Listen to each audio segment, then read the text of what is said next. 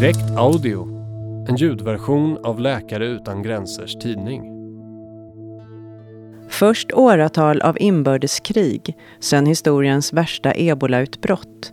De senaste decenniernas omvälvande händelser har satt djupa spår hos Liberias befolkning, inte minst på den psykiska hälsan. Men det finns hjälp att få inom ramen för Läkare utan gränsers psykiatriska projekt i Monrovia.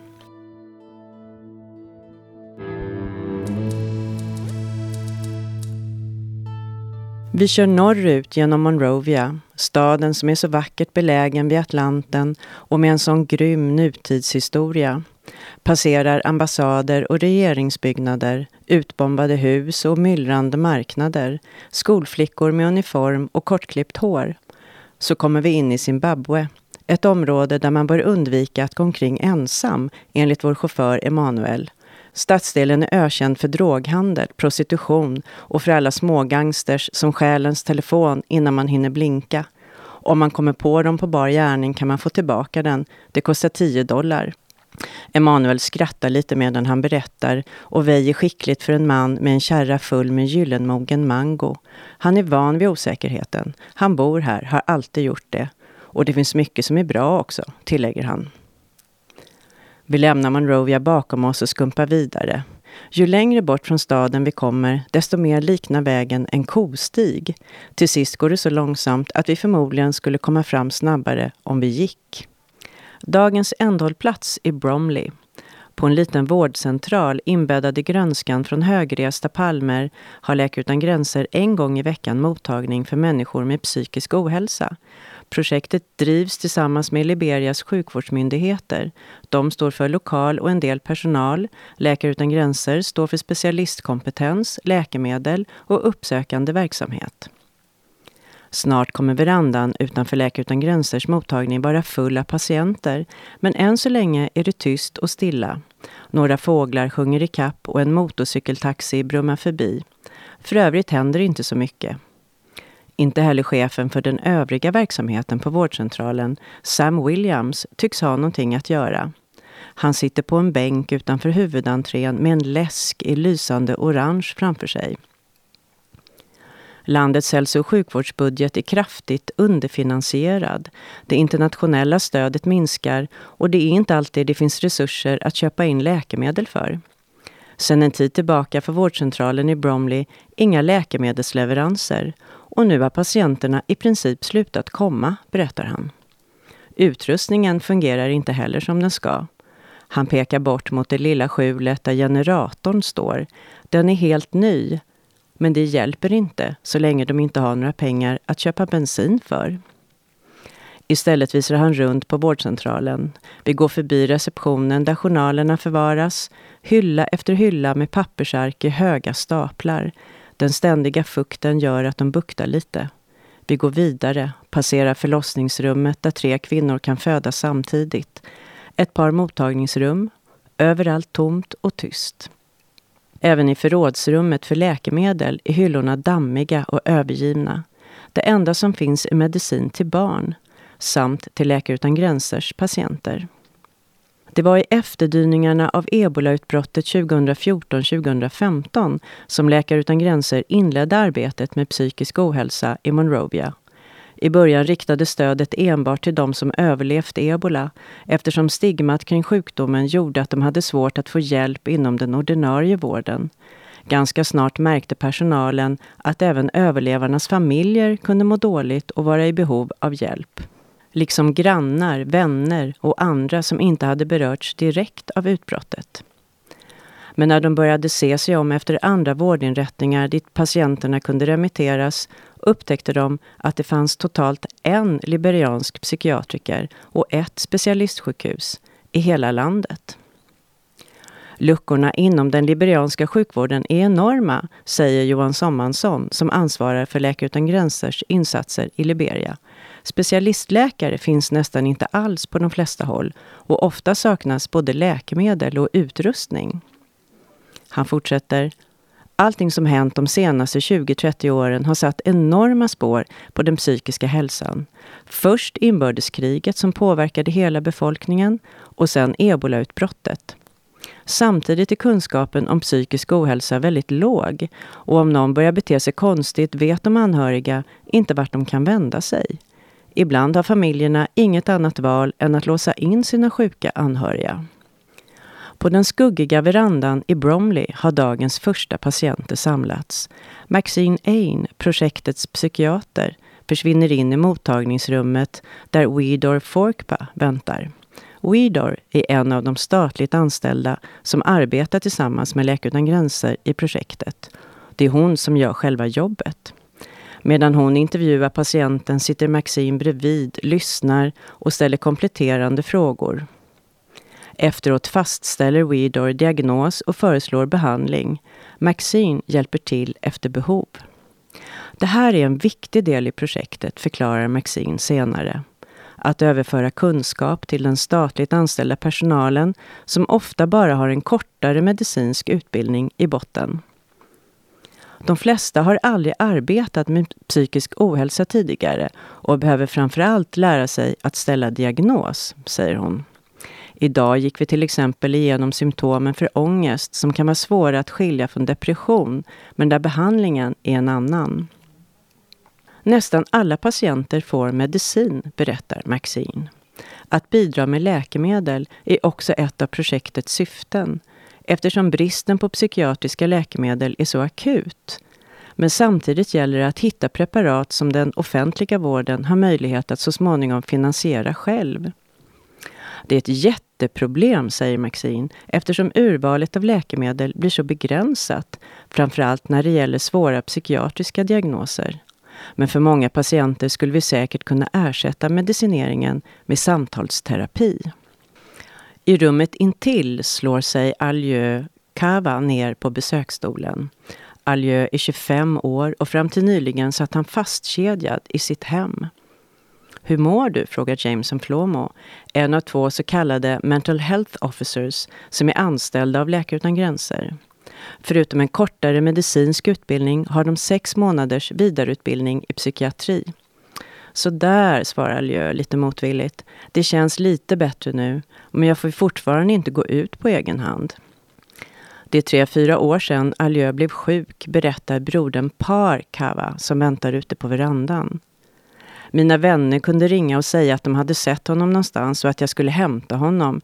Ibland var han och röjde runt i någons trädgård. Ibland stod han mitt i gatan. Det var fullständigt livsfarligt. Jag var tvungen att ta hand om honom hela tiden. Till slut hade jag inget eget liv längre. Så Aljö kedjades fast vid sin säng som en sista desperat lösning. Vad skulle de göra? Storebrodern rycker på axlarna. Jag har inte kunnat jobba på evigheter och jag har en stor familj att försörja.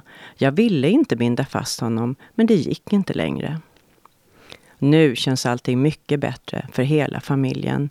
Medicinen fungerar verkligen och därför behöver Aljö inte vara fastkedjad. Han försvinner inte iväg, han har slutat prata för sig själv och är inte uppe och stökar på nätterna som tidigare. Bröderna hoppar upp på en motorcykeltaxi och försvinner i ett dammoln. Nästa patient, 15-årige Yusu Masalai, är här för första gången. Hans mamma Wata Fofane berättar att symptomen började för fyra år sedan när han insjuknade i malaria och samtidigt fick svåra anfall. De åkte till sjukhuset och han blev frisk från malarian, men inte från anfallen. Han fick ett anfall i skolan också och då sa de att han inte kunde komma tillbaka förrän anfallen var borta, berättar mamman. Det är fyra år sedan nu. Sedan dess har han inte gått i skolan. Jag har försökt allt, örter, böner, men ingenting hjälper. Jameson, vår mental health officer, säger att Yusu förmodligen har epilepsi.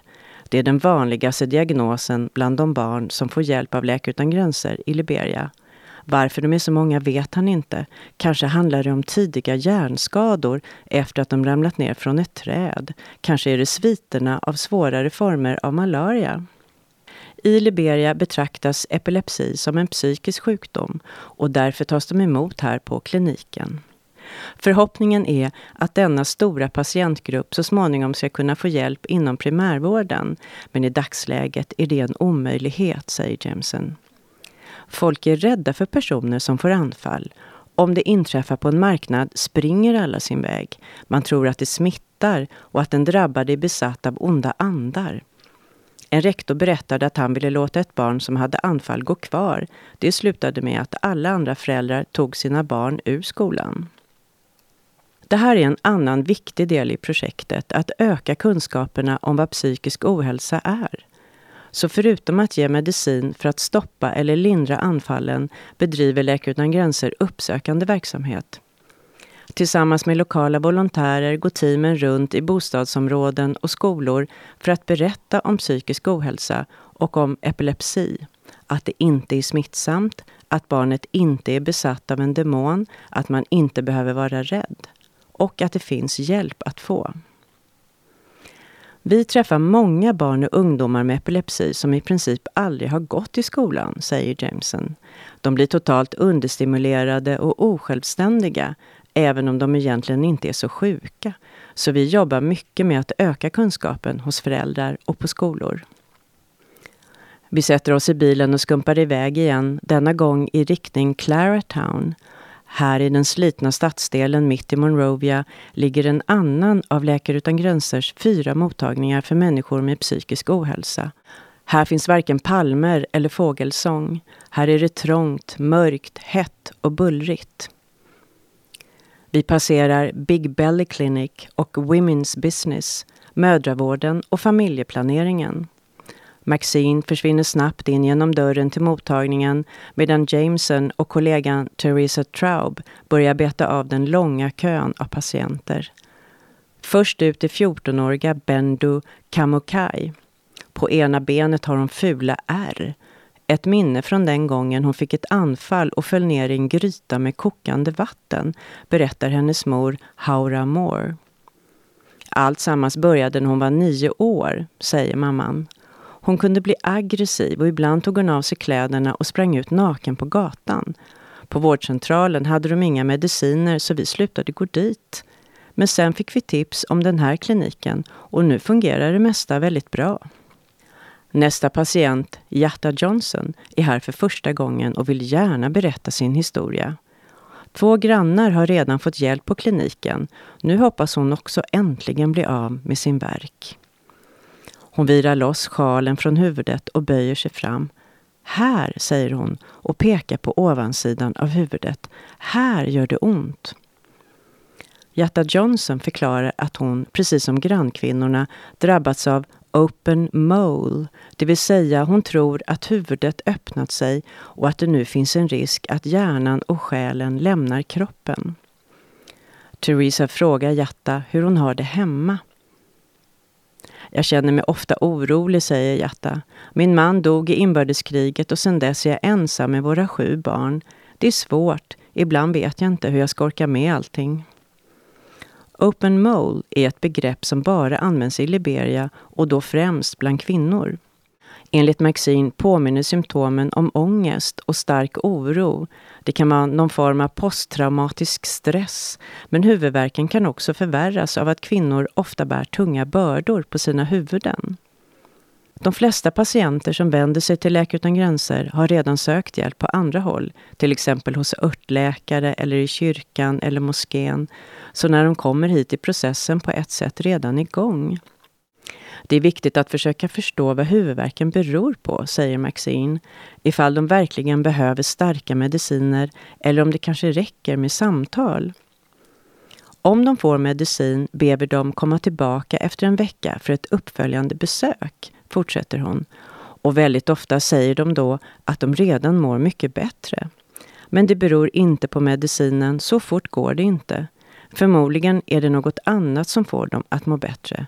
Kanske är det samtalet, att någon lyssnar på dem och försöker förstå hur de har det. Den här artikeln ingick i Läkare utan gränsers tidning Direkt, nummer 1 2019. Artikeln skrevs av mig, Åsa Nyqvist Brandt, och det var också jag som läste in den. Du hittar fler inläsningar om du söker på direkt audio på plattformarna Soundcloud, iTunes, Acast, TuneIn med mera. Du kan ladda ned pdf-tidningen till din dator eller surfplatta på vår hemsida www.lakareutangranser.se.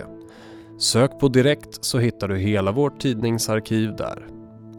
Tack till Bjarki Kaikomo för musiken. Ansvarig utgivare är Oliver Schultz.